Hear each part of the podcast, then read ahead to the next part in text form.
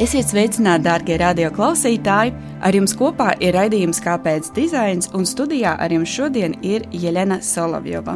Šis raidījums izskan Startautiskās sieviešu dienas nedēļā, tādēļ šodien mūsu sarunas fokusā būs smaga, bet ļoti svarīga tēma - vardarbība pret sievieti. Ar mani kopā ir dokumentālās izstādes un digitālās platformas lietisko pierādījumu muzejas līdzautore Laura Stašāne, kā arī literatūras žurnāla punktum redaktore Laura Brokāna. Abas šodienas viesņas ir grāmatas Neviens tev neticēs sastādītājs un redaktors. Neviens tev neticēs ir grāmata, kas turpina digitālās platformas iesākto, rosinot diskusiju par sieviešu pieredzi vardarbīgās attiecībās ģimenē un mājās. Katra savā veidā gan izstāde, gan grāmata ataino dokumentālas liecības par vardarbību pret sievieti. Pastāstiet, lūdzu, vairāk par abām šīm iniciatīvām un to, kā tās savā starpā īsti ir saistītas sākums bija lietas, ko pierādīja muzejs, ko mēs veidojam kopā ar Janu Jacuku, tas bija 2020. gadā. Mēs tieši bijām pabeiguši darbu pie Janas solo izrādes, kas arī bija par šo pašu tēmu, par vardarbību ģimenē, bet tas bija Janas personisks stāsts. Un pēc tās izrādes mums bija skaidrs, ka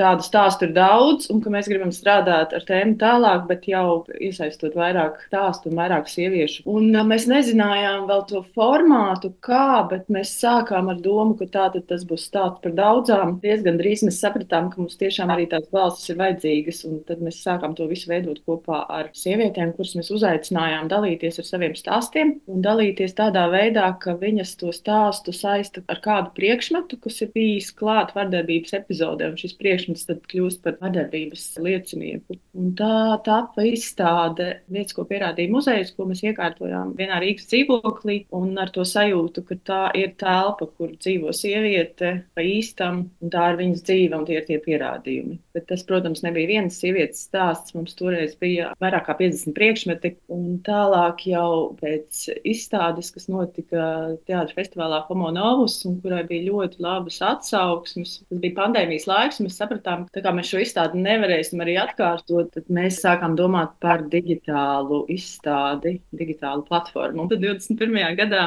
mēs izveidojām digitālo platformu, kas lielā mērā rada to pašu izstādes sajūtu, ka tu ej cauri dzīvoklim un tu atrodi šos priekšmetus. Un tā doma tiešām ir tāda, ka tā izstāde ir kaut kas pa vidu starp izstādi un reālu dzīvokli, kur tie priekšmeti neduras acīs, bet eh, tu kaut kādā veidā viņus kā skatītājs arī atrodi. Un tad atrodi arī šos stāstus. Mēs ar Lauru un lietas, ko pierādījumu muzeju satikāmies 2021. gadā kad žurnālam punktum notika festivāls ikgadējais. Toreiz tas bija veltīts Regīnai Azarai, konkrēti viņas darbām, kas saucās vardarbība. Un līdz ar to arī šie pasākumi tādā vai citādā veidā saistījās ar šo tēmu. Likās ļoti atbilstoši uzrunāt šī projekta veidotājs, lai veidotu kādu kopīgu pasākumu. Pamazām izveidojās ideja par to, ka varētu notikt klātienes lasījumi, kuros iesaistītos ne tikai dalībnieces no Lietisko pierādījumu muzeja, dokumentālo stāstu autoras, bet varētu pieaicināt arī literāro pusi, dzēnieces un dzēniekus, aicināt rakstīt par šo tēmu. Gala rezultātā mums sanāca tāds viens jaudīgs vakars, kurā pulcējās gan dokumentālo stāstu autors, gan dzēnieki kas pamīšus tādā pilnīgi nekontrolētā veidā izvēlējās stāstus vai dzēju. Un kopējais ilgums pasākumam bija kaut kādas divas stundas, un tas notika nepārtraukti. Visu laiku nomainīja viens otru, un man šķiet, pasākums bija ārkārtīgi tāds jā, jaudīgs un, un izdevies.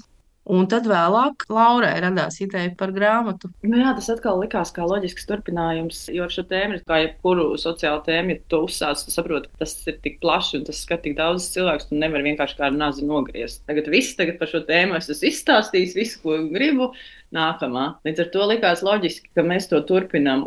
Man jau tas aizgāja jau trešajā gadā ar tēmu par vardarbību ģimenē.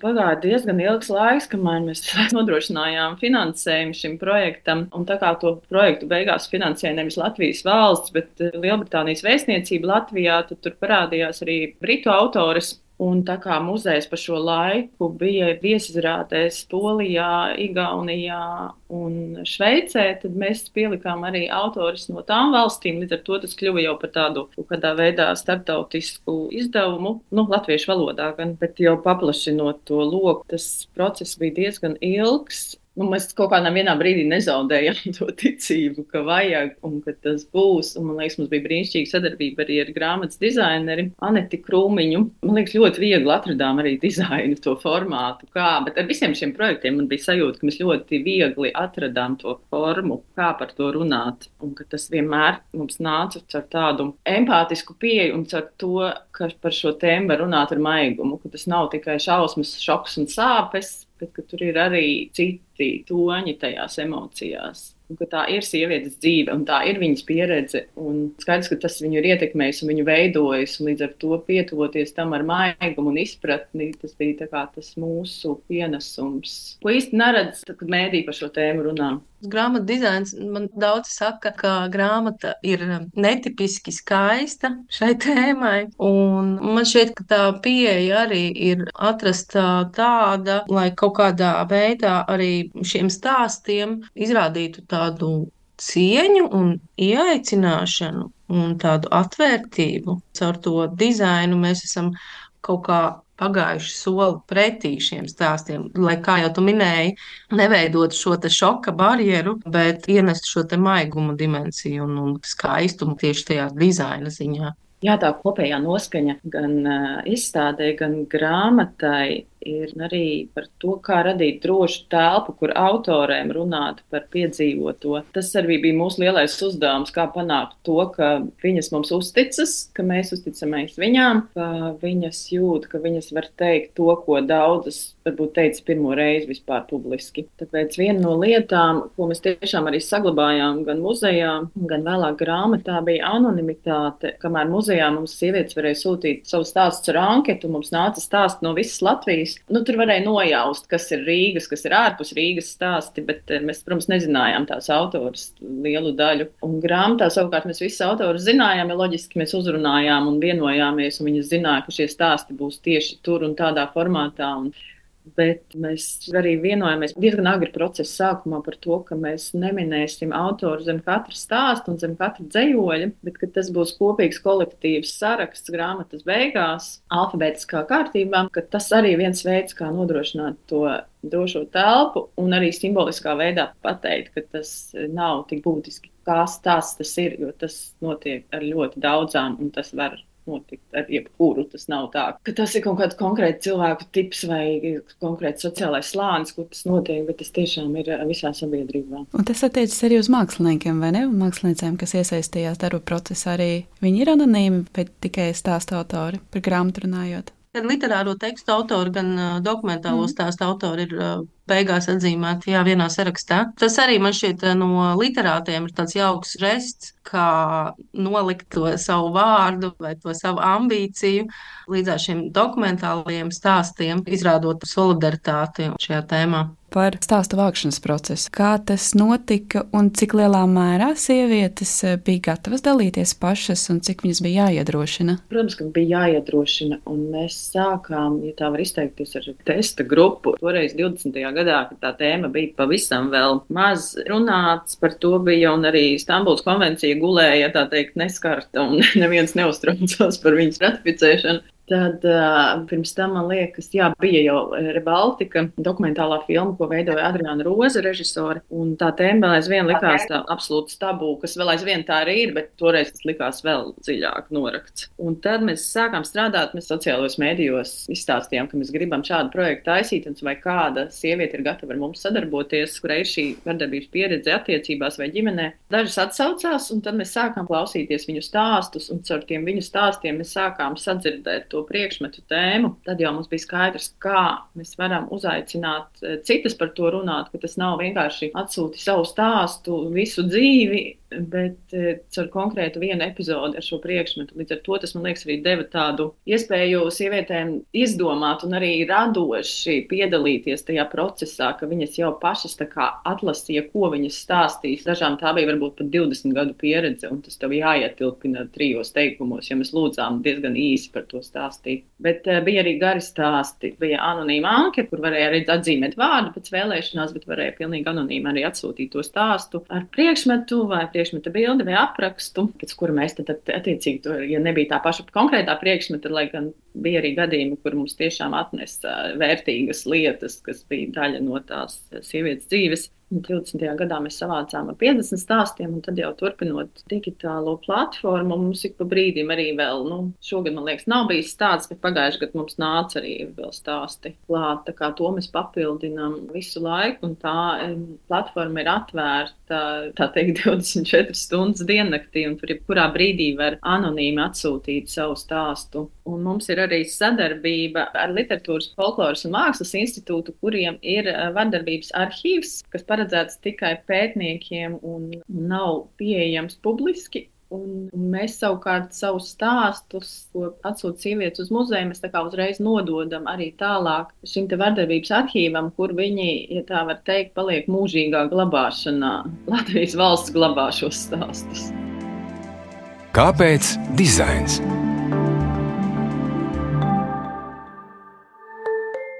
Jūs jau ieskicējāt par to, kā jūs redzat, kā dizains palīdz piešķirt formu tam stāstam. Es arī no savas puses gribēju akcentēt, ka es personīgi uz dizainu skatos ļoti plaši, un lai arī mēs šeit runājam gan par mākslas projektiem, gan par fiziskiem artefaktiem, šajā mūsu sarunā es skatos uz dizainu kā uz rīku, ar kura palīdzību jūs veidojat sarunu ar sabiedrību. Kā jūs vērtējat, vai Latvijā šajā laikā ir mainījusies nostāja pret šo jautājumu? Jautājumu, vai tā aktualitāte kopumā jūsuprāt? Es varu teikt, ka ņemot vērā, ka es strādāju arī ar citiem projektiem, kas ir eh, saistīti ar tādām jūtīgām sociālajām tēmām gan ar seksuālās vardarbības sēriju, gan ar esmu veidojis izstādi par psihisko veselību. Un Mans tas novērojums ir tāds, ka pēdējā gadā vai pēdējā laikā, vai varbūt tāpēc, ka es pati tam pievēršu lielāku uzmanību, man šķiet, ka cilvēki kļūst drosmīgāki un atvērtāki šādām tēmām.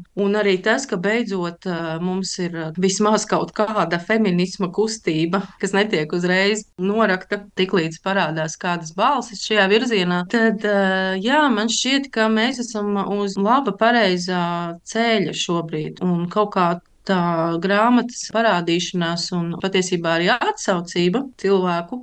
Un tīri arī pārdošanas rezultātu ziņā rāda, ka tā interese ir un bailes varbūt ir mazinājušās. Un man šķiet, ka šeit kultūras un mākslas notikumi arī noteikti ir devuši savu ārtavu. Tas, ka paši kultūras cilvēki ir drosmīgi par to runāt, un arī domājot par mītu tēmu, līdz ar to es tā cerīgi raudzītos uz šo te tendenci. Man ir arī pieredze no citām valstīm, kā tur ar šo tēmu gan mākslā, gan, teiksim, sabiedrībā strādā. Un man jāsaka, ka mēs, protams, esam diezgan vēl agrā attīstības stadijā, cerīgāk, kā Laura teica, bet ir ļoti, ļoti daudz jādara vēl, ko mēs darām. Un kāpēc mēs izvēlējāmies šādu formātu? Ir tāpēc, lai panāktu, ka šī pieredze kļūst zināma plašākā sabiedrībā arī tiem, kas varbūt nav ar šo problēmu saskārušies kas nenojauš, ka kaut kas tāds notiek, vai kuriem ir priekšstats, ka tā problēma ir saistīta tikai ar konkrētu sociālo slāni un notiek tur kaut kādos tumšos, mazos dzīvoklīšos, un ka visas sievietes, kas iet pa ielu, ir pilnīgi normālas, un viņām viss dzīvē ir kārtībā, un nekas slikts nekad nav gadījies, kas, protams, tā nav. Jo, zinot Latvijas statistiku, tā ir katra trešā sieviete, kas dzīves laikā pieredz vardarbību ģimenē vai no partnera, kur lielāko tiesu tas ir eh, no vīrieša. Un Laura jau pieminēja, ka viņas strādājis ar tēmu par seksuālo vardarbību. Tas ir mītū konteksts, kas tā tad ir par seksuālo vardarbību darba attiecībās. Līdz ar to Es domāju, ka tā pieredze ir ārkārtīgi pazīstama tēma. Sievietēm varbūt arī ne tik galējā, ekstrēmā veidā, kā konkrēta vardarbība, bet manas pašas pieredze ir tāda, ka es sāku šo tēmu strādāt. Man liekas, ka man nav tādas pieredzes, ka es noteikti neesmu to sieviešu skaitā, bet klausoties tos stāstus, es sapratu, ka es šo tēmu ļoti labi zinu. Es biju tik tuvu tai robežai. Un uh, mums pēc izstādes bija arī viens brīnišķīgs komentārs. Es nezināju, ka arī tas skaitās. Tas ir tas, ko mēs ar šiem projektiem varam panākt. Ļauj saprast, kas tas īsti ir, kur ir tās robežas, ko tas nozīmē, kādas formas tā vardarbība var ieņemt. Tā plašāk skatoties, es arī esmu optimistiska, bet tā apzināšanās, ka kas tas ir, vēl aizvien ir neskaidra. Laura, jūs arī pieminējāt par citu valstu pieredzi. Varbūt jums nāk prātā kāds tāds spēcīgs, pozitīvs piemērs par šo tēmu runājot, eh, kur eh, jā, mēs varam paskatīties, iedvesmoties, kāds notiek citās valstīs. Polijā kur ļoti spēcīga sieviešu kustība kopumā visā sabiedrībā, ņemot vērā to, cik polijā ir sarežģīts stāvoklis sieviešu tiesību jautājumā, tad tur ļoti daudz ir tādu nevalstisku iniciatīvu, kas, ikdienā to strādā, kas strādā ar drošu telpas radīšanu, kas strādā ar izpratni par ķermeņa robežām, ko jau nu, bērniem, pusauģiem māca. Tā pašā Igaunijā platforma feministērijums saucas. Un viņi arī vāc stāstus, kas ir saistīti ar seksuālo vardarbību. Es zinu, ka viņiem tie stāsti, nu vismaz tas bija, man liekas, pirms gada mēs runājām, tie stāsti vienkārši plūst straumēm, tā ka viņi nespēja viņus apstrādāt, jo viņi publicē tos stāstus katru nedēļu, un tad viņiem brīžiem ir bijis tā, ka viņiem vienkārši cilvēki jau prasa, kāpēc man stāsts nav, bet viņi pat nespēja to apjomu visu apkopot. Un tas nenozīmē, ka Igaunijā to stāstu ir vairāk nekā pie mums. Tas nozīmē to, ka viņi varbūt runā drošāk, un tur ir parautas vaļā kaut kādas slūžas. Jo es jūtu, ka pie mums vēl aizvien tie stāsti jāvelk ārā ar iedrošināšanu. Tad 20. gada beigās bija dot pieci labdarības kampaņa, kas tajā gadā bija veltīta vardarbībai ģimenē. Un viņi gan mums teica, ka viņi lielā mērā ir iedvesmojušies no mūsu projekta. Un mēs tur arī piedalījāmies ar eh, muzeja dalībniecēm, ar lasījumiem. Tās kampaņas laikā studiju toreiz viņiem sūtīja ļoti daudz sievietes savus stāstus, un tā bija tāda tā kā lavīna, jo pēkšņi bija dota atļauja par to runāt. Un tad, kad beidzās tā kampaņa, tie stāsti arī apstājās. Jo nebija vairs tā kā iedrošinājuma par to runāt. Ļoti viegli to atkal ir nogrūst malā, kā viena no lietām, par ko jau mēs reiz esam runājuši, nu tagad par kaut ko citu jebkura iniciatīva nebūs lieka vēl aizvien. Cik, eh, jūsuprāt, liela vai nebūtiska ir mākslinieku un citu radošo jomu pārstāvju atbildība savos darbos iestāties par sabiedrībā svarīgām tēmām? Nu, mans tas novērojums strādājot eh, ar šādām tēmām un, eh, piemēram, veidojot izstādi par psihisko veselību, kurā mākslinieki runāja arī par ļoti personiskām tēmām, uzdrošinājās darbos ielikt savu pieredzi par, piemēram, tuvinieka pašnāvību vai savu depresijas pieredzi. Man, veidojot izstādi, tā sajūta visu laiku bija tāda ļoti trausla. Es meklēju tādu ļoti uzmanīgu pieeju lai mākslinieki nenobītos kādā brīdī, lai viņi turpinātu strādāt pie šīs tēmas, jo es noteikti neteiktu, ka mēs vispār drīkstam kaut ko tādu prasīt vai uzlikt kaut kādu šādu atbildības eh, slogu uz radošo cilvēku pleciem, jo tā telpa šobrīd ir vēl tik ļoti varbūt tāda negatīva šādām tēmām, šādām problēmām. Īpaši, ja autori izvēlas runāt jā, no tādas savas personīgās perspektīvas, un tāpēc katra tāda kolektīva akcija, katrs tāds kolektīvs notikums, kas arī šī izstāde bija, grupas izstāde, tiek veidota kā tāda droša telpa, kurā būt kopā. Es ceru, ka kultūras finansētājiem nostiprināsies pārliecība par to, ka šādas iniciatīvas ir jāfinansē un uh, veidosies varbūt tāds pat pasūtījums tieši sociālo tēmu un kultūras piedāvājumu atbalstīt. Es noteikti piekrītu finansējumam, tad attiecīgi arī ir jāprioritē iespēja runāt par šādām tēmām mākslā, bet manuprāt, jebkurā gadījumā tā ir konkrētā mākslinieka interese un atbildība, jo vienkārši uzlikt kā nosacījumu ir vairākas valsts, kur šādi tāda pieredze, ka viņi uzliek kā prioritāti finansējumu saņemšanai, ka ir jārunā par nu, konkrētām tēmām. Un tas, manuprāt, ir arī diezgan bīstami, jo tad mēs varam palikt tajā līmenī, kur par to runā formāli, kaut kā neiedziļinoties, tad labāk par to nerunāt. Bet skaidrs, ka runāt par šādām tēmām, tas prasa diezgan lielu iedziļināšanos laika ziņā un arī emocionalitātes ziņā. Un tāpēc es domāju, ka mākslinieki ir emocionāli cilvēki vai jūtīgi noskaņoti, jo tāda ir kaut kādā veidā šīs profesijas, nezinu, kvalifikācija. Līdz ar to es domāju, ka māksliniekiem ir spēja par to runāt veidā, kā varbūt to nevar citās jomās. Lielas paldies, ka jūs atradāt laiku būt kopā ar mums, un vēl lielāks paldies, ka jūs dodat balsi citām un citiem sarunai par šo svarīgo tēmu. Ar jums kopā šodien bija raidījums Kāpēc dizains? Studijā ar jums bija Jelena Solovjova, kā arī Laura Stašāna un Laura Brokāna. Raidījums ir tapis ar Valsts kultūra kapitāla fonda atbalstu.